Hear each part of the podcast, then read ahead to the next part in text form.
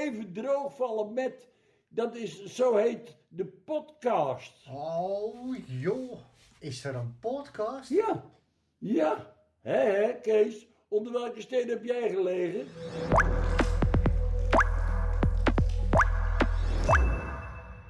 Welkom bij weer een nieuwe aflevering van de podcast Even Droogvallen met. Mijn naam is Thomas van Schie en samen met mijn collega Tim Haasnoot vallen we vandaag even droog met Tim Hedema. Hij is voorzitter van de Pelagic Freezer Trawler Association, ook wel bekend als de PFA. Deze organisatie behartigt de belangen van negen Europese pelagische vriestrawlerbedrijven. En voordat hij aan de slag ging bij de PFA, heeft hij verschillende beleidsfuncties bekleed waarbij hij voor het laatst werkzaam was als landbouw- en visserijdiplomaat bij de Nederlandse ambassade in Londen en bij de Nederlandse permanente vertegenwoordiging bij de EU in Brussel. Tijdens deze podcastaflevering gaan we met hem in gesprek over zijn loopbaan, drijfveren, de pelagische visserij uiteraard en de verschillende dossiers waar hij momenteel aan werkt, zoals de Brexit. Welkom uh, Tim Hedema. Um, ja, bedankt uh, in eerste instantie natuurlijk dat je vandaag bij ons uh, wil aanschuiven in deze podcastserie. Um, als we kijken naar jouw loopbaan, hè, dan zien we dat je verschillende beleidsrollen hebt gewerkt. In uh, 2021 heb je de overstap gemaakt naar het werken voor de visserijsector. Wat heeft jou doen besluiten om die stap te maken? Ja, ik ben inderdaad naar de visserij toegegaan. Dat wil niet zeggen dat de visserij voor mij onbekend was. ik ben sinds 2005 ben ik rijksambtenaar geweest. Eerst als rijkstrainee en daarna in verschillende functies inderdaad in Den Haag eerst. Um, met name in de EU-coördinatie, internationaal werk. Een beetje de politieke kant van, van de overheid. Altijd bij het ministerie van, van LNV en de rechtsopvolgers die er in de tussentijd zijn geweest. Hè, onder economische zaken. En je zei het al, de laatste acht jaar in het buitenland. Um, ook weer op de landbouw- en visserijonderwerpen als, als diplomaat. Um, ja, ik, ik heb zelf ongelooflijk gehouden vanaf het begin van de tastbaarheid van de onderwerpen. dat geldt dus niet alleen voor de visserij, maar ook voor de landbouwonderwerpen. Als je aan een knop draait, dan zie je bijna meteen resultaat. Iedereen in de visserij zal dat herkennen. Hè. Al uh, hebben we het al over quota. Hè. Uh, van jaar tot jaar verschilt dat. En uh, ja, de, de tastbaarheid, het, het, het hele politieke. Hè. Het is niet voor niks dat de minister van LNV de meest gevraagde bewindspersoon in de Tweede Kamer is, de meeste vragen krijgt. Dat geeft aan dat daar gewoon hele concrete zaken spelen die ook met veel emotie gepaard gaan vaak. Het, het, gaat over voedsel tenslotte. dat raakt ons allemaal van dag tot dag. En ja, dat, dat heb ik altijd hele mooie onderwerpen gevonden. Gewoon de, de, de dynamiek die daarmee gepaard ging. En ja, ik heb een paar fantastische jaren gehad in het buitenland. Met, eh, met veel verantwoordelijkheid in spannende tijd. In, Brussel voorzitterschap gedraaid van de EU namens Nederland. In Londen natuurlijk de Brexit-jaren, de jaren van de onderhandeling. Heel erg spannend. En ja, mijn vertrek in Londen ging, dat viel samen eigenlijk met het ontstaan van een vacature bij de PFA. En ehm, in de jaren in Londen had ik iets meer nadruk op, op de landbouwkant van het, van het werk. Um, en ik dacht, nou, die visserij, ik heb altijd wel in mijn achterhoofd gehad, als die functie nog eens vrijkomt, dan lijkt me dat wel wat. Ik heb met veel plezier voor de overheid gewerkt, maar de, ja, de visserijbelangen behartigen, dat leek me ook wel wat. En uh, ja, dat viel zo samen. En dus heb ik met heel veel enthousiasme gereageerd op deze deze vacature en ik ben het gelukkig geworden. En nou ja, ik ben nu een tijdje in, in functie en dat bevalt heel goed. Er zijn heel veel vergelijkingen te trekken met het voorgaande werk wat ik gedaan heb. Um, maar daar komen denk ik zo direct nog wel op. Dus je had wel enigszins misschien verwacht dat je wel een keer in die visserij zou belanden? Of je had er altijd wel een oogje op? Is dat van oudsher ook iets wat je mee hebt genomen? Nou, ik zeg er altijd bij van ik ben absoluut niet uh, opgevoed in een visserijomgeving. Maar ik heb geen, uh, geen studie gedaan ook die iets met, met visserij of landbouw ook te maken had. wel bedrijfsmatig. Ik heb bedrijfskundige economie gestudeerd. En um, ja, zodoende eigenlijk in een in eerste instantie economische functie bij, bij de Rijksoverheid terecht te komen. Maar vanuit daar is het eigenlijk gaan groeien. Uh, dan gaat er een wereld voor je open. Als er voor zoveel mensen, denk ik, die uh, eerst niks van de visserij weten. En dan ineens uh, heel veel te weten komen. En zoals ik zei, dat, eh, ja, dat, dat is me bevallen. En eh, daarom ben ik daarin blijven hangen. Het is echt eh, gegroeid, zeg maar. eh, Absoluut gegroeid, ja. Als ambtenaar, dus eh, laat je ook niet wijsmaken dat ambtenaar zijn niet leuk is. Dan krijg je dit soort prachtige onderwerpen op je bord. Ja, mooi. En, en voor de mensen die dan niet zo bekend zijn hè, met de pelagische visserijsector, ehm, ja, zou jij kort iets meer kunnen vertellen over deze visserij? Ja, het is een. eh, nou, het is geen vreemde eend in de bijt. Ehm, hè, ik denk dat we, we moeten ook af van, van de, de tegenstelling groot-klein. Ik denk dat we daar misschien nog, hoop ik tenminste, over te spreken komen een beetje. Eh pelagische visserij die is natuurlijk de, grote, de grootschalige visserij.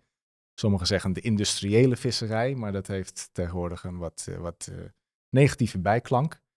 Ehm, ja, het gaat over pelagische vis. Wat is pelagische vis? Haring, makreel, blauwe wijting, horstmakreel. Dat zijn onze hoofddoelsoorten. Ehm, wordt ook wel op sardine gevist, eh, met name voor de kust van West-Afrika. Ehm, en dat is vette vis, hè? Hele gezonde vis, zeggen wij daar natuurlijk ook bij. Dat is absoluut waar.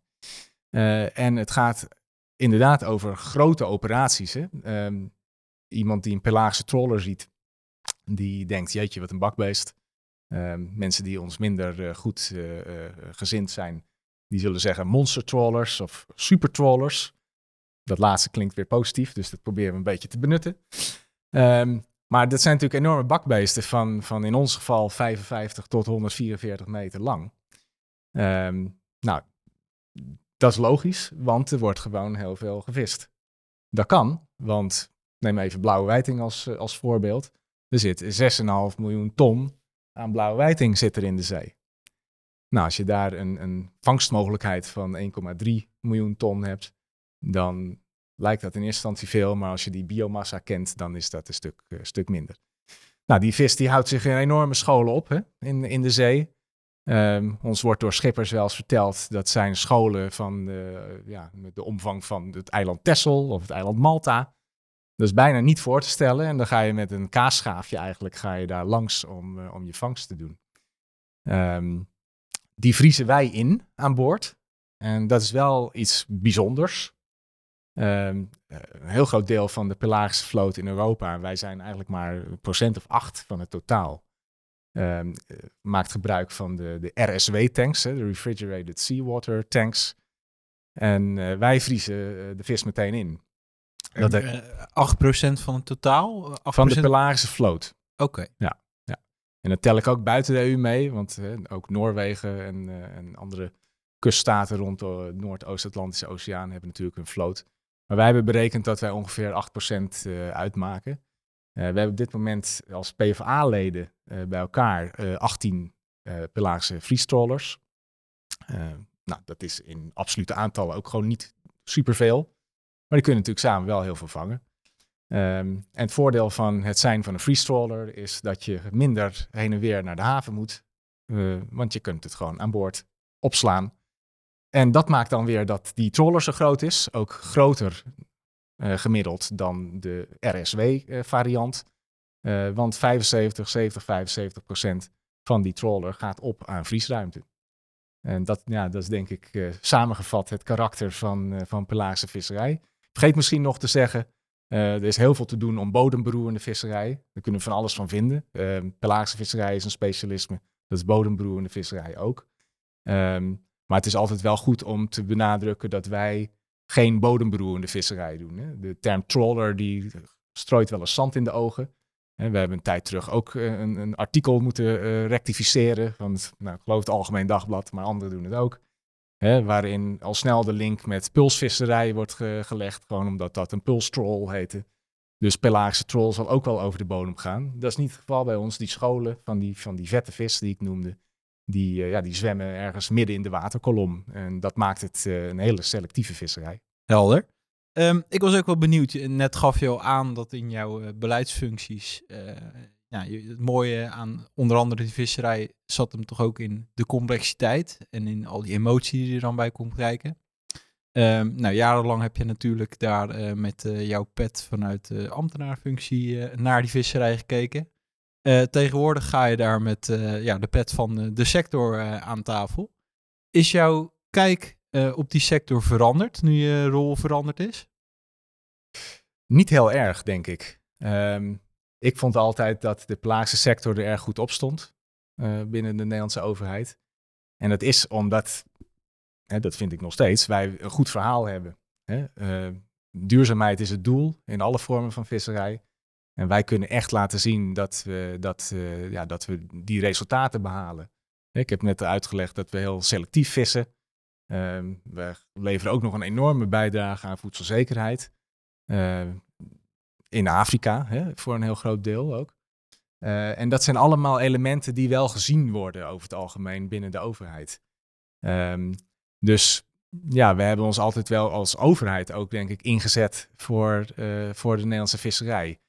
Eh, daar worden nu wel eens vraagtekens bij gesteld. Ehm, dus het vertellen van het verhaal wordt wel steeds belangrijker. Wereldwijd, maar ook binnen Nederland. Ehm, de sector in Nederland is ook vaak de kottersector en niet zozeer de pelagische sector. Dus er is wel een bepaalde achterstand vaak die wij moeten inlopen, zodat mensen de juiste beslissingen kunnen nemen. En eh, en wij dwingen niemand om bepaalde kant op te bewegen. Eh, maar het is wel belangrijk dat iedereen de feiten kent. En eh, nou ja, momenten zoals deze vanmiddag of eh, heel veel andere momenten proberen we dat verhaal te vertellen. Ehm, en ja, ik denk dat, dat, dat ons duurzaamheidsverhaal de potentie heeft om, ja, om heel erg goed aan te slaan. Maar daar hebben we wat te winnen, ook naar, naar andere partijen in, ja, in, de, in de discussie, die zich in de discussie mengen.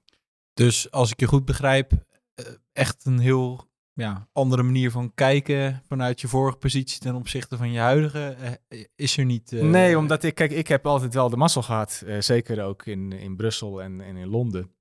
Hè, het contact met de sector altijd goed was. Er was natuurlijk een wederzijds belang om elkaar goed te informeren, zeker in die, die, die Brexit-jaren. En ja, dat, dat heeft mijn beeld vervolmaakt, laat ik het zo zeggen, van de sector. En nou ja, dat is positief, anders had ik eh, ook niet de overstap gemaakt. Ehm, en dat laat ook zien dat ze altijd heel erg open zijn geweest naar de overheid. En ik kan nu bevestigen dat beeld klopt. Hè? Dus er wordt niemand een rat voor de, eh, voor de ogen gedraaid. Ehm, iedereen is altijd erg eerlijk over, eh, over wat er in de sector speelt, wat de belangen zijn. En ook wat de voor- en nadelen zijn van bepaalde dingen. En ik, ik vind dat ik als ambtenaar altijd wel dat volledige beeld heb, heb gekregen vanuit de sector. En ehm, als je kijkt naar je huidige functie, wat, wat is dan naar jouw idee eh, het grootste verschil tussen je vorige functies en nu werken voor de, de visserijsector zelf? Nou ja, misschien het grootste verschil is dat je wat meer uitgesproken mag zijn in deze functie. Eh, en moet zijn, denk ik ook. Hè, een ambtenaar is toch bezig om eh, alle belangen te dienen. Houdt zich snel op de vlakte. eh, neemt meer in dan dat hij uitspreekt. en eh, in deze functie is dat eh, nou anders. Eh, er wordt van mij toch verwacht om ja, als boegbeeld en, en, en woordvoerder van een heel groot deel van de visserijsector en soms zelfs de hele visserijsector. Zowel in Nederland als in Europa, hè, want met deze functie gaan ook nog allerlei nevenfuncties gepaard in de Europese koepels. Maar om, ja, om dat verhaal te vertellen. En dat is, dat is echt, echt lobbyen, belangen behartigen en eh, ja, prediken wat, waarvan wij denken dat, eh, dat de dingen zo zijn zoals ze zijn. En eh, ja, mensen te overtuigen. En een ambtenaar moet uiteraard ook mensen overtuigen, zeker in de rol die ik in Brussel heb gehad. Ehm, maar dat is veel meer een, een balancing act dan wat wij doen natuurlijk als, als, als pure belangenbehartiger voor de visserij. Ja, we zijn weer aanbeland bij de rubriek eh, Een lijntje uitgooien. Ehm, we zijn eh, dit keer de straat op gegaan in eh, Utrecht om eens een lijntje uit te gooien bij willekeurige mensen op straat. Hoe zij denken over de Nederlandse visserij. En ditmaal hadden wij een foto uitgeprint van een, een vriestroller. ehm, die wij aan mensen lieten zien met de vraag: wat is het eerste wat nu bij jou opkomt? En denk jij dat deze manier van vissen duurzaam kan zijn? Nou, dit zijn de reacties die we daarop kregen. Een, schip die gewoon dieren vermoordt. Nou, ik vind het eigenlijk schandalig wat ze met de vissers en onze boeren doen. Ja, dat, dat, dat is buiten kijf. Als je de, de visserssoorten waar generatie op generatie al gaat. Die mensen zijn echt niet van plan om het in, bij de visserij te houden. Om het over te bevissen. Er zijn al vijf, zes generaties dat ze vissen. En ze gaan toch echt niet zo hard vissen dat de kinderen niet meer kunnen. Dat, dat lijkt me vrij logisch. En ze hebben zich aan alle manieren proberen aan te passen. En net als ze denken dat ze het weer voor elkaar hebben... komt de overheid weer met gezeik. Daar komt het op neer. Ik heb echt geen idee, want volgens mij ligt het aan eh, het, het net of zo. Maar ja, visserij is natuurlijk sowieso als industrie, naar mijn idee, een beetje uit de kluiten gewassen nu. Maar ehm, dus nee, daar heb ik echt geen idee van. Dus dat is een interessante vraag om eh, terug te kaatsen naar jullie gast. Ja, dit zomaar eh, wat reacties van de straat. Ehm, eh, wat vind je van die reacties?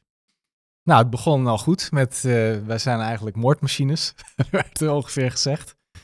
Ja, kijk, wij, wij hebben natuurlijk niet de illusie dat wij mensen die absoluut tegen het, het doden van dieren voor voedsel zijn, om die te overtuigen. Het is denk ik wel heel belangrijk dat we dit soort reacties ook meer horen, hè? want ons dagelijks werk bestaat uit eh, praten met, eh, met organisaties, met belangenorganisaties, andere belangenorganisaties, met de overheid. En eh, ja, de, de, de, de blik van de consument of de burger, die, die horen wij natuurlijk wat minder.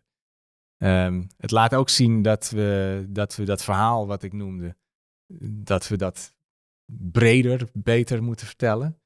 Ehm, we zitten wel echt in een, in een fase waarin we de luiken aan het opengooien zijn. Hè? En, en dat moeten we ook doen naar het algemene publiek. En hopelijk eh, levert dat ook iets meer begrip eh, bij het algemene publiek. Ehm, ja, ik snap dat als je zo'n heel groot schip eh, ziet en, en, je, je kent de achtergrond niet, dat je dan denkt van jeetje, dat, dat, dat ziet er wel heel destructief uit. Hè? Maar ik denk dat ik eerder in het gesprek ook al heb uitgelegd dat die volumes en daardoor ook de omvang van, van het schip, ja, dat is karakteristiek voor de Pelagische visserij. En eh, de bottom line is dat ook onze visserij gewoon gebonden is aan regels die in Europa worden opgesteld. En de belangrijkste regel is natuurlijk, je mag niet meer vissen dan, je, eh, eh, dan in de verordening staat. Dat doen wij. Wij blijven gewoon netjes binnen het quotum. Vissen dat overigens wel eh, vrijwel volledig op. Dus de benutting is heel erg goed. Laat ook zien dat er veel vis in de zee zit nog steeds. Ehm, maar wij, wij houden ons gewoon aan de regels. En als er op basis van wetenschappelijk advies een quotum wordt vastgesteld, wat heel hoog is of heel groot op het eerste gezicht, ja, dan is dat nog steeds een verantwoord quotum. Eh, er is geen enkele reden waarom wij meer zouden willen vissen dan er eh, wordt geadviseerd. Want daarmee schieten we uiteindelijk onszelf in de voet. Ehm, en dan, ja, dan kom ik toch terug bij, ja, groot is niet per se slecht. Eh, sterker, wij denken dat dat voor deze soort, eh, deze soort vissen, hè, dat het onontkoombaar is als je een bijdrage aan de voedselproductie wil, wil leveren. Kleinere vissers kunnen deze soorten in deze omvang hè, en, en met de karakteristieken die ze hebben, die grote scholen, verder op zee, dit, dat kunnen zij gewoon niet binnenhalen. Dus daar heb je onze vorm van pelagische visserij voor nodig. En dat moeten we kennelijk ook nog aan heel veel mensen eh, duidelijk maken. Ja, want om daar nog even op terug te komen. Nou, dit zijn eh, ja, reacties van een aantal mensen die wij dan op straat eh, die vraag hebben voorgelegd. Ehm, waarom is die publieke opinie dan belangrijk voor jullie als PvA? Want je kunt ook zeggen, ja, die mensen die lopen in Utrecht rond en ja, die komen toch niet tegen op zee of in Brussel. Wij komen ze misschien niet tegen. Maar ja, goed, ik weet als ex-ambtenaar als geen ander, voor de overheid en voor de politiek weegt dit wel mee. Dus wij hebben te maken met bepaalde beeldvorming die ons kan, kan raken. Eh, en waardoor een, een overheid, een Nederlandse overheid, een Nederlandse politiek, ehm, ja, misschien voorzichtiger in een bepaalde discussie gaat zitten, ehm, met ten nadele van de visserij, dan ze eigenlijk op basis van de feiten zouden moeten doen. Jij zegt van nou, we, we zijn de, ooglui of de, de, de luiken aan het opengooien, zei je volgens mij letterlijk. Eh, ben ik wel benieuwd naar, hè? eh, hoe, hoe, hoe werkt dat dan in een organisatie? Betrek je daar ook de vissers bij, of de schepen? Eh, en en hoe, hoe werkt dat dan? Hoe betrek je die daar dan bij? Ja, de term vissers die, die, die is bij ons eigenlijk iets anders dan, dan in de demersale, de, kotter, de kottersector. Ehm, als wij vissers zeggen, dan is dat de hele bemanning. Dus iedereen, wat voor rol ze dan ook hebben, heet dan visser. En het hele schip. Goed, ja. ja. Eh, en dan hebben we natuurlijk de raiders. Hè? Eh, onze leden zijn de raiders. Eigenlijk de, de, de leiding van, eh, van de rederijen. Ehm, maar dit, ja, dit doen we natuurlijk met z'n allen. Ehm, bedoel, wij kunnen als PFA wel van alles gaan roepen, maar als dat niet gedekt of gesteund wordt door, door de leden, dan zijn we nergens. Maar ik ben blij te zien dat iedereen op dit moment diezelfde ontwikkeling voelt en, en doormaakt en wil doormaken. En het leuke is ook, om over die vissers eh, te hebben, dat de bemanning dat ook heel graag wil. De bemanning die is ontzettend trots op, op wat ze doen. Eh, je ziet ook dat hè, sinds eh, dingen als LinkedIn populair zijn, dat ze daar zelf ook gewoon foto's en filmpjes op plaatsen. En dat is toch wel anders dan, nou ja, misschien wel vijf jaar geleden zelfs. In ieder geval tien jaar geleden. Eh, waarbij eh, eigenlijk werd gezegd van laten we maar niet te veel van onszelf laten zien. Want het kan alleen maar vragen oproepen. Hè? eh, je wil eigenlijk een beetje, een beetje wegduiken, zodat je niet te veel, tegen te veel problemen aanloopt. Nou, we zijn nu in een, in een, in een fase gelukkig, waarin iedereen zegt, we hebben eigenlijk helemaal niet, niets te verbergen. Wij vinden het heel goed wat wij doen. We hebben er een goed verhaal bij. En dat kunnen we zelfs in beeld brengen, als we dat willen. Ehm, en, en nou ja, dat gaat gelukkig gepaard met een soort eh, geëxplodeerde aandacht eh, eh, onder het algemeen publiek voor een soort human interest. Hè? Dus, dus plaatjes van, van mensen op een schip worden ook heel interessant gevonden. Mensen vinden het leuk om te zien dat een schip uitvaart. Of dat er een woeste zee is. Of het heel koud is als je ergens bij de Lofoten in de buurt bent of zo. Hè? Eh, dus ja, dat moedigen we aan. En eh, ja, we gaan dus ook steeds meer beeldmateriaal gebruiken. Eh, niet alleen het, het schriftelijke verhaal vertellen van deze sector, maar ook gewoon laten zien wat er aan boord gebeurt. En daar staat iedereen achter. Ja, en jij gaf net aan dat nou, die, kentering is um, nou, zeg, ten opzichte van vijf jaar geleden zo ingezet. Is daar een specifieke aanleiding voor geweest? Of is dat een heel geleidelijk proces geweest? Nou, geleidelijk denk ik, zeker. Ehm, ja, specifieke aanleiding. Ja, niet, niet één moment, maar wel de vaststelling dat eh, eh, ja, wij er nadeel van ondervinden dat we onbekend zijn bij velen. En Ja. dan heb je het over dat beeld van we zijn groot, industrieel. Ja, eh, ja, nou ja, ik zei net al, denk ik, een keer, hè, dat de sector, de visserijsector in Nederland, daar heeft men absoluut niet het beeld bij dat dat, dat, dat inclusief de pelagische sector of de pelagische visserij is. Dan wordt er echt gedoeld op de kottervisserij. En dat is dus ook binnen de overheid. Ja, die overheid die gaat uiteindelijk de besluiten nemen. Dus zolang een overheid met, als die aan de sector denkt en niet aan ons denkt, hebben wij een achterstand. En dat hoeft ons niet altijd te schaden, maar dat heeft wel die potentie. Je kan het altijd heel eh, positief draaien. Dat betekent dat wij vaak eh, minder problemen hebben dan anderen. Ehm, maar het zou zonde zijn als je in de planvorming, de beleidsvorming, naar de toekomst toe, en wij, wij zien onszelf als blijvers in de sector, dat je daar onvoldoende in meegenomen wordt. Eh, vergeet niet, dit zijn ook familiebedrijven. Het zijn hele grote bedrijven, het zijn hele internationale bedrijven. Zijn sterk geïntegreerd in de hele keten. Maar uiteindelijk zijn het ook familiebedrijven. Maar wat je ziet is dat bij alle bedrijven, alle leden, dat gewoon hele families daar van generatie op generatie op werkzaam zijn. En dus ook deze grote internationale bedrijven echt hun wortels hebben en hun bijdrage hebben aan lokale gemeenschappen. Hè, IJmuiden, Katwijk, Scheveningen. En dat, ja, dat, dat moet je wel als overheid ook in het snotje hebben en, en meenemen in je, in je planvorming. En dat, dat ontbreekt nog wel eens, denk ik. Dan zijn we nu aangekomen bij het item eh, bakboord of stuurboord. Zo. En net als aan boord moeten er soms duidelijke keuzes gemaakt worden. Ga je bakboord of ga je stuurboord? In de rubriek bakboord of stuurboord vragen we onze gasten ook om een duidelijke keuze te maken aan de hand van een aantal stellingen. Gaan we daarom in gesprek over de pelagische visserij. Eh, we hebben drie stellingen voorbereid en je mag alleen met oneens of eens antwoorden. Na de hand krijg je de ruimte om te nuanceren. Tim, ben je er klaar voor?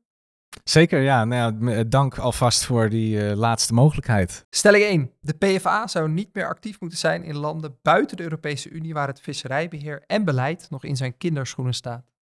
Oneens. Stelling 2. De brexit is nog steeds het belangrijkste dossier voor de toekomst van de pelagische visserij. Eens. En stelling 3. Grote kapitaalintensieve visserijbedrijven, zoals enkele leden van de PvdA, concurreren kleine visserijbedrijven van zee en hebben daarmee een negatieve impact op de werkgelegenheid in veel kustgemeenschappen. Oneens. Ja, goed. Om eh, dan maar met die eerste stelling eh, te beginnen. De PvdA zou niet meer actief moeten zijn in landen buiten de Europese Unie waar het visserijbeheer en beleid nog in zijn kinderschoenen staat. Eh, daar was jij eh, heel resoluut oneens. Vertel, waarom eh, oneens met die stelling? Nou, het ligt een beetje aan wat je bedoelt met actief zijn, maar ik neem aan dat je hier eh, met name doelt op eh, visserijpartnerschappen eh, die de EU heeft met, met andere landen. Waar we actief zijn, dan wordt heel concreet. Dat- is Marokko, Mauritanië. En als je het dan hebt over het beleid dat in de kinderschoenen staat, dan kun je het nog verder afpellen en dan wordt het Mauritanië. Ja, het, het antwoord is natuurlijk dat je eh, door daar wel actief te zijn, eh, of eh, ja, als je daar wel actief bent, dat je een rol kunt spelen in de ontwikkeling van dat beheer. En kijk, die, die Europese partnerschappen die geven een bepaald kader waardoor je nooit echt verkeerde dingen kunt doen. Hè? Ehm, het, is, het is zo dat, ehm, laten zeggen, de wetenschappelijke basis in bepaalde landen, zoals deze, vaak twijfelachtiger zijn hè, dan in de EU zelf. Maar we zijn er allemaal bij om, eh, om dat te verbeteren. Ehm er bepaalde voorzichtigheidsmarge natuurlijk altijd in, in wat je doet. Eh, hè, hoe, hoe onzekerder de informatie over het bestand, eh, hoe voorzichtiger je doet. En als PFA zijn wij heel goed, vinden wij, in, en vinden ook anderen gelukkig, in het bijdragen aan het verzamelen van wetenschappelijke informatie. En hoe draag je daar dan bij? Nou, wij hebben een uitgebreid wetenschappelijk programma. We hebben ook een Chief Science Officer. Hè. En daar hebben we echt wel een, een voorlopersrol mee gehad in, in Europa en daarbuiten. Door met name gewoon eh, ja, self-sampling te doen. Hè. Eh, wat, wat, wat kom je tegen op zee? In aantallen vis, de kwaliteit van de vis, lengte, gewicht, dat soort informatie. En ja, dat draagt allemaal bij aan de assessments die eh, door de wetenschappers van ISIS en daarbuiten gedaan worden. En dat wordt steeds meer omarmd dat er echt input in die vorm vanuit de sector nodig is. Hè, om, om die wetenschap, die, die gegevens veel robuuster te maken dan ze, dan ze waren of zijn. En eh, ja, daar gaan wij met, met heel veel plezier mee door. En eh, ja, wij, wij, wij, ondersteunen uiteraard eh, vanuit die eh, rol ook de commissie. En eh, we hebben ook onze rechtstreekse contacten natuurlijk in, in het land. Om te zorgen dat wetenschap de basis blijft voor alle beslissingen die met bestandsbeheer te maken hebben. En dat die, die wetenschap steeds robuuster wordt. Ja, dus op het gebied van die datacollectie en dat delen. En daarmee hopelijk een betere besluitvorming te hebben over die bestanden. Ja. Dat, dat, is een, een manier van bijdragen. Ehm, Je ziet ook dat het effect heeft, hè, als ik mag onderbreken. Ja, Want, eh, nou ja, kijk, Mauritanië, we hebben heel lang lopen hameren op, op wat er aan schort in het beleid. En heel kort door de bocht was dat, dat eh, nou ja, je altijd het gevoel hebt dat ze de vis drie keer verkopen. En dan ook nog eens aan, aan partijen die, nou ja, als wat minder duurzaam te boek staan. En dat zie je ook gebeuren. Hè, dat bepaalde bestanden echt eh, eh, onderuit gaan. Eh, helaas ook nog eens doordat er overbevist wordt ten behoeve van de verwerking tot vismeel. Hè, wat wij zelf doen is alleen vissen voor menselijke consumptie. En dat vinden wij echt beter hè, voor de voedselzekerheid in de wereld ehm, dan, dan vissen voor vismeel. En nou, het heeft even geduurd, maar Mauritanië heeft eh, sinds, eh, sinds kort een, eh, een nieuw eh, beheerplan deels nog in uitwerking. Hè. Dat moet echt geïmplementeerd worden. Gaat het ook werken? Nou, hangt af van controle, et cetera, handhaving. Maar een van de, de, de kernpunten is, wij, wij gaan die vismeelvisserij, zeg maar, gaan wij afbouwen. En er moet eh, vooral voor humane consumptie gevist worden. Nou ja, dat komt toch ook deels doordat wij daar steeds op hebben lopen hameren. Hè? Doen ze dat niet, dan, uh, ja, de benutting is al laag vanuit Europa. Maar als het door was gegaan op de oude voet, de, zonder onze tussenkomst, dan eh, waren we ook vertrokken, denk ik, in, in het geheel. Ja, dus eh, naast die data is eh, nou, het daarop blijven hameren dat er inderdaad een soort van beleid op papier komt dan een, een onderdeel. Ja. Eh, en- en in de, de uitvoering van dat beleid, of het handhaven, spelen jullie daar dan ook nog een rol in? Of zeggen jullie, nou, dan houdt het echt voor ons op? Nou, dat kan minder rechtstreeks. Ehm, ik bedoel, je, je, je kan in, de, in, laten we zeggen, het bestandsbeheer kun je een rol spelen, ook vanuit dat wetenschappelijk programma wat ik net genoemd heb. Ehm handhaven is natuurlijk wel echt iets voor de overheden, maar wij eh, geven natuurlijk de Europese Commissie mee wat wij eh, eh, daar in de praktijk tegenkomen. Als dat onoorbare praktijken zijn of, of, of dingen waarvan wij denken dat ze niet bijdragen aan het geheel, dan, dan laten we dat weten. Hè, dus wat dat betreft, gelukkig staat de Europese Commissie heel erg open voor de input vanuit de sector. Eh, omdat zij natuurlijk ook het belang hebben dat dat partnerschap goed loopt, dat dat goed benut wordt. En dat eh, eh, eh, de relatie met Mauritanië verbeterd wordt. Dat er professioneel beheer plaatsvindt. Nou, et cetera. Ja, en nou, dan ga ik eventjes het in het, de grotere context trekken. Waarom hebben jullie leden überhaupt interesse om te vissen buiten de Europese wateren? Ja, het is quotum. quotum. Eh, hè? Eh, een, een visserijbedrijf eh, bestaat bij de gratie van quotum. En ehm, dit, is, dit zijn aantrekkelijke visgronden in principe. Het is niet al te ver weg. Hè? Dus je komt er toch vrij makkelijk. En zeker in de context van, nou ja, over, over een aantal jaar bezien teruglopende mogelijkheden in de Europese wateren. Ja, is het eigenlijk wel noodzakelijk om ook buiten de Europese wateren activiteiten te hebben. Eh, hè, helaas loopt het een beetje terug in Europa. En dat is niet altijd door de EU. Hè? Eh, Ja, dan hint jij volgens mij al... eh, Ja, we hebben een mooi, beetje, mooi bruggetje naar het, eh, naar, eh, naar het Verenigd Koninkrijk. denk Ja. ik. Ja, vertel, eh, wat is de laatste stand van zaken aangaande de brexit? de brexit. ja. Nou ja, Daar was je het wel heel erg mee eens dat de laatste stand van zaken is, eh, heeft niks met visserij te maken volgens mij. Noord-Ierland, maar dat, dat ga ik maar niet uitleggen. Ehm, nee, kijk, ehm, in het begin van het gesprek het natuurlijk over Brexit eh, hè, als belangrijkste ja, dossier eigenlijk nog steeds. En dat, dat, dat komt doordat, zoals ik altijd zeg, Brexit nooit af is. Eh, we hebben gewoon te maken met een, eh, een land, VK, dat een, eh, een zelfstandige kuststaat geworden is. En dat maakt hoe dan ook dat onderhandelingen, hè, waarvan er al genoeg waren, zou ik zeggen, rond de Noordoost-Atlantische Oceaan, dat er ja, meer onderhandelingen zijn en nog veel lastiger onderhandelingen. Wij komen het VK op verschillende plekken tegen. Eh, er moet bilateraal onderhandeld worden. Er zijn bestanden die wij met z'n tweeën beheren En bilateraal tussen twee landen. tussen EU en VK. Hè? Dus er zijn bestanden die EU en VK samen beheren. Er zijn bestanden die EU, VK en Noorwegen samen beheren. En er zijn ook bestanden die eh, een nog veel grotere groep eh, samen beheert. Hè? Die noemen zichzelf dan de Coastal States. Ehm, het hele rijtje is eigenlijk EU, VK, Noorwegen, IJsland, Groenland, de Faroe-eilanden en soms ook Rusland. Maar die doen dan af en toe nu eventjes niet mee. Eh, ja, dat, eh, precies. Ehm, en dat zijn dus alleen maar moeilijkere onderhandelingen geworden sinds het VK een extra partij is.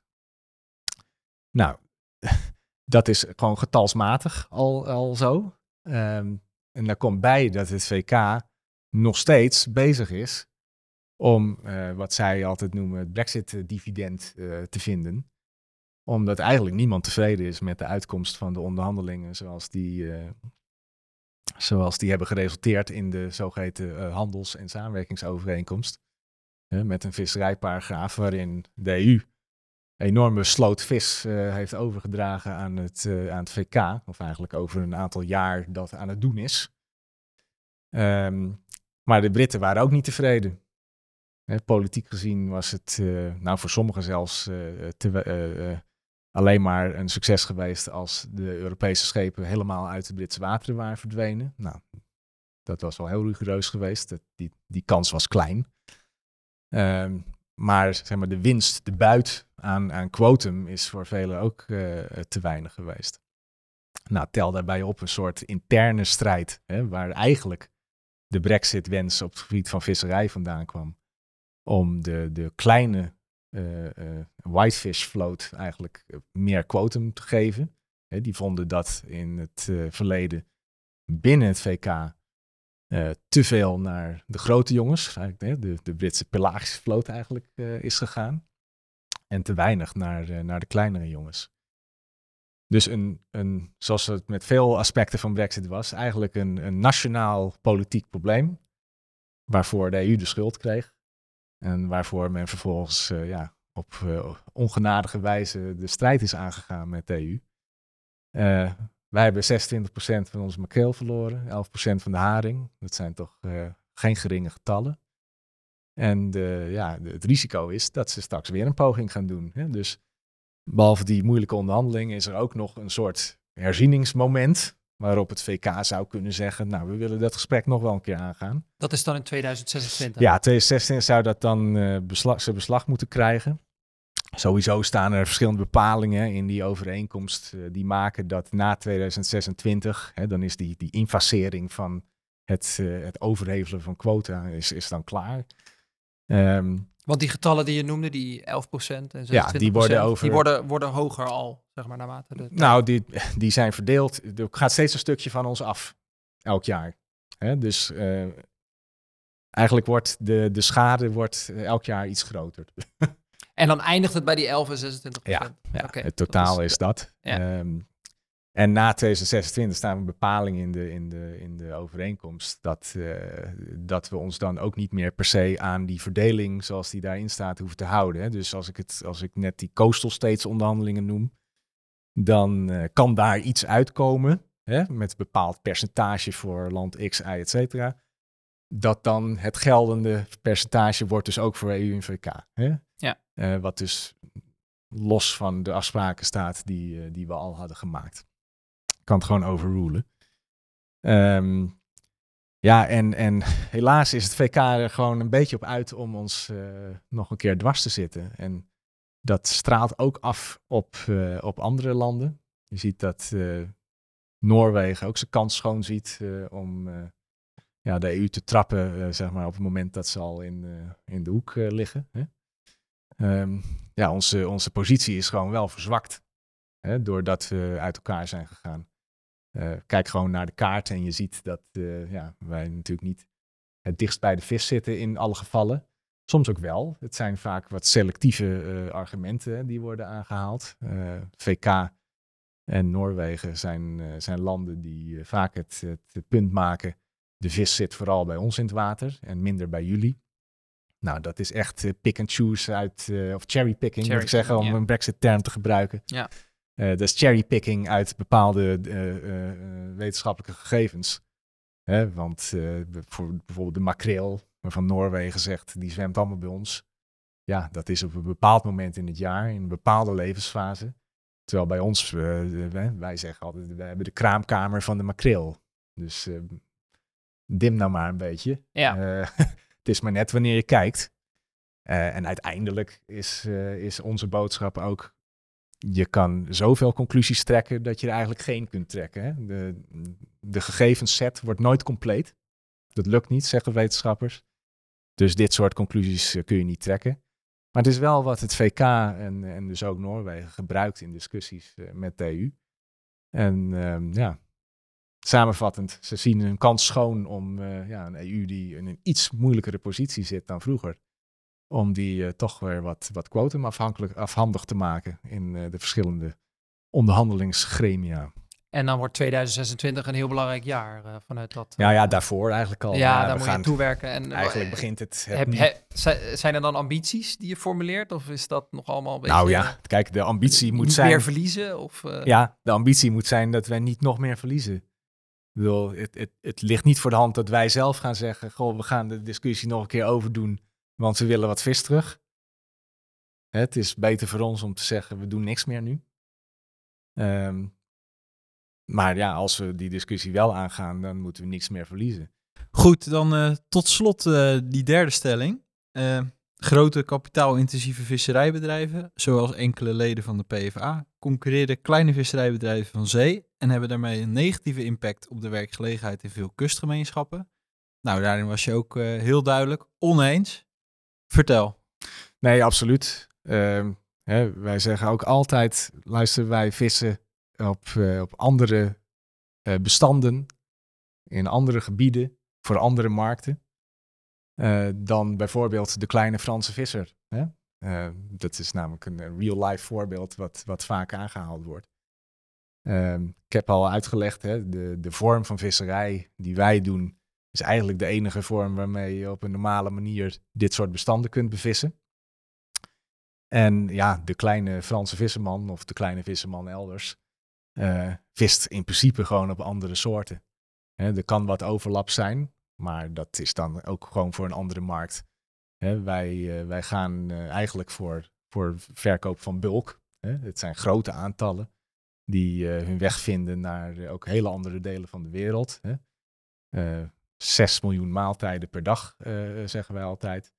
Waarvan 5,5 miljoen eh, naar, eh, naar Afrika, elke dag. Hè? Dus dat levert een enorme bijdrage aan voedselzekerheid.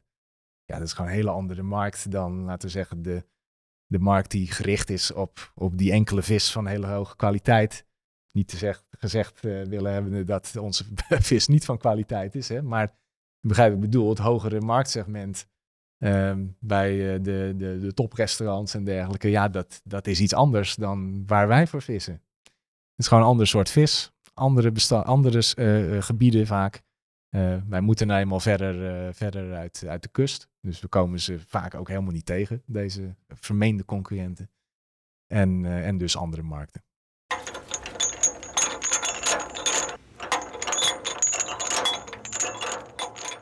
Ja, en dan zijn we tot slot aanbeland bij de laatste rubriek, de kettingvraag.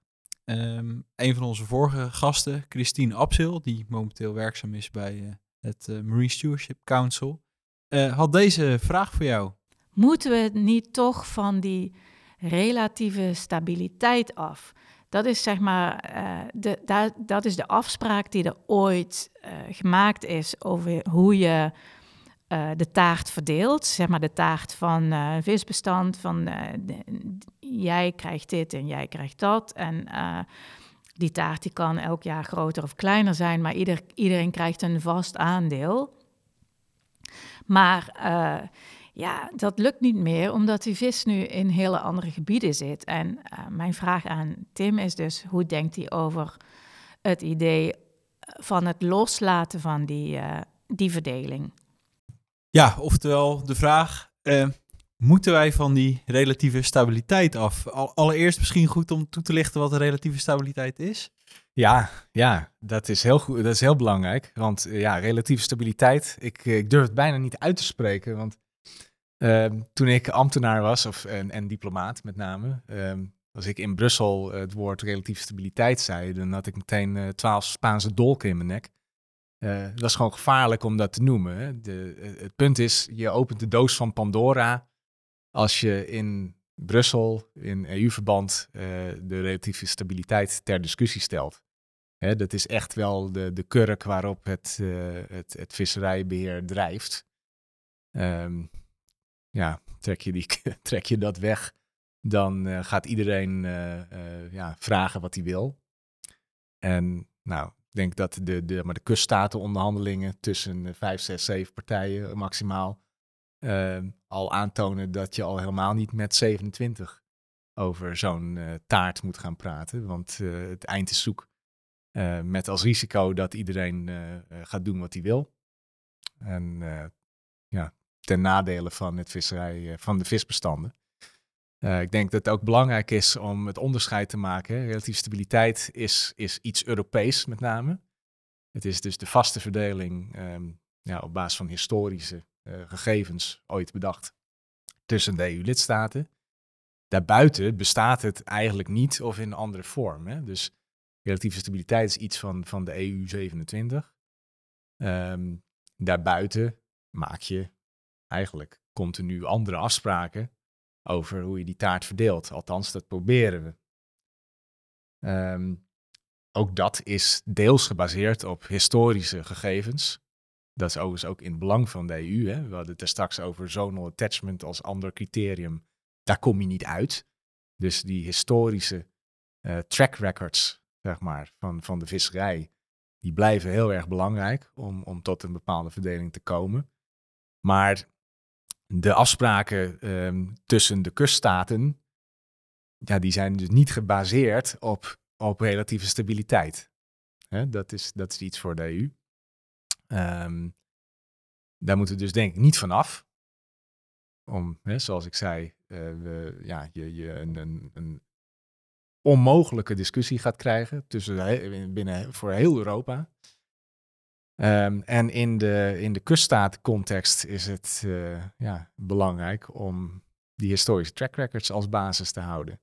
Om niet volledig eh, op criteria te gaan eh, vertrouwen die eigenlijk onvolledig zijn hè, qua, qua gegevensbasis daarachter. Dus, nou, nee. ehm, ik begrijp waar de vraag vandaan komt. Ehm, het, het, het, het is inderdaad heel moeilijk al langere tijd om over bepaalde bestanden afspraken te maken. In die, tussen die coastal states, we zijn daar inderdaad eh, MSC-keurmerken zijn we verloren. Hè? Ehm, voor de, de makreel, eh, voor de blauwwijting.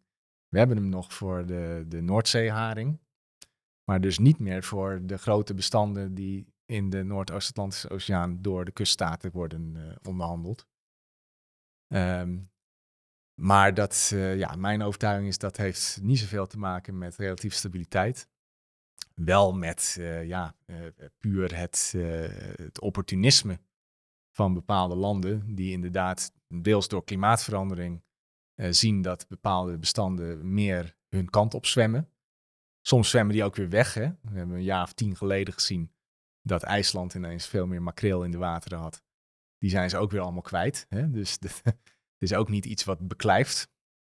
Ehm, maar wat wel maakt dat, eh, dat landen eenzijdig eh, quota zijn gaan vaststellen voor zichzelf. En echt excessief. Hè? Dus eh, we hebben twee jaar geleden gezien dat Noorwegen en de eh, een, hun quotum met 55% hebben verhoogd. Nou, dat was ver boven eh, ehm, het percentage wat in de laatst bestaande afspraak eh, voor hun beschikbaar was. En dat is het echte probleem op dit moment. Eigenlijk bijna, bijna schurkerig eh, gedrag, waardoor de totale vangsten eh, van die soorten ja, ver boven de, de afgesproken vangstmogelijkheden uitkomen. Hè? Want het, het is een heel raar proces eigenlijk. Elk jaar stellen we in dat gezelschap vast dat we het wetenschappelijk advies volgen voor de totale vangstmogelijkheid. En vervolgens een paar maanden later heb je altijd één, twee of drie lid, eh, staten, kuststaten, die eh, zeggen, maar wij gaan dit jaar zoveel vangen. Nou, dan ga je die optelsom weer maken en dan zit je op 140% of zo. Hè? Ehm, en dan zijn de EU en het VK zijn eigenlijk de enige op dit moment die zich aan de zeg maar, laatst afgesproken percentages houden. En zich dus inhouden. En dat is natuurlijk ontzettend frustrerend voor ja, de visserijondernemingen om te zien wat er gebeurt, zonder dat iemand daar iets aan weet te doen. Hè? Wij pleiten natuurlijk bij, eh, bij de Europese Commissie om bepaalde maatregelen te nemen. Het kunnen marktmaatregelen zijn bijvoorbeeld. Ehm, nou, dat wensen ze niet te doen. Heeft vaak een, een, een, bredere politieke context. Dus ik begrijp de, de moeilijke afweging wel, maar laten we eens wel iets, iets eh, eh, eh, steviger hè, reageren op dit soort zaken. En ehm, ja, ik hoop eigenlijk ook, en daar zijn we al vaker over in gesprek geweest, dat MSC hè, als, als organisatie die dat keurmerk erg belangrijk vindt, en dat vinden wij ook, dat die niet alleen zegt van joh, maak nou eens die lange termijn afspraken, maar wijs ook gewoon eens aan wie hier nu over de schreef gaan. Hè? Dus, dus niet, het EU, niet de EU. De EU houdt zich gewoon aan, zo je wil, de relatieve stabiliteit. Ik heb net gezegd waarom het niet zo heet. Hè? Maar voor nu, wij hebben ons aandeel ooit afgesproken met elkaar en daar houden we ons nog steeds aan. Ehm, vertel nou eens aan de wereld en, en spreek eens gewoon die kuststaten ook aan, dat zij op dit moment eh, de boel eh, eh, eh, vernachelen. Zij saboteren eigenlijk de afgelopen jaren eh, deze visserij ten koste van, van ons, van de Europese visserijen. Want er komt allerlei makreel op de, op de markt. Eh, ja, eigenlijk te veel. Vaak ook van mindere kwaliteit. Dat heeft allemaal nadelige gevolgen voor wat wij doen. En het gaat ten koste van het bestand uiteindelijk. Het is eigenlijk een, eh, een wonder dat, eh, dat we afgelopen najaar een, een, een tak, een vangstmogelijkheid hebben vastgesteld voor die makreel. Die maar eh, min 2% was ten opzichte van het vorige jaar. Ehm, ja, daaruit concludeer ik dat als we allemaal ons netjes hadden gedragen, dus ook Noorwegen en verder, dat we misschien wel een plus hadden gehad. Ja, en dat is hier aan de hand. En het zou mooi zijn als we met z'n allen, en daar hebben we ook partijen zoals MSC bij nodig, ehm, als we met z'n allen wat meer weerstand in landen als Noorwegen en Verder kunnen creëren, hè, vanuit NGO's, vanuit de wetenschap, want ik hoor ze echt nooit. Als we daar wat meer weerstand tegen het beleid van die landen kunnen organiseren. Dat zou mijn wens zijn. Dat brengt ons bij het einde van deze aflevering. Tim, bedankt voor je tijd en je verhaal. En ook bedankt voor al je harde werk en inzet voor de visserij. Eh, keep up the good work en eh, veel succes. Voor de luisteraars, bedankt voor het luisteren naar Even Droogvallen met Tim Hedema. We hopen dat jullie dit net zo inspirerend vonden als Tim en ik. Mocht je nu vragen hebben voor Tim Hedema, stel ze dan vooral via info.vistikhetmaar.nl of benader ons via social media op Twitter, Facebook of Instagram. Vond je deze aflevering interessant? Wil je meer weten? Abonneer je dan vooral op de Vist ik het maar podcast Even Droogvallen met. Dan verschijnt de volgende aflevering in je favoriete podcast app. Deze podcast werd mogelijk gemaakt met support van Europees Fonds voor Maritieme Zaken en Visserij.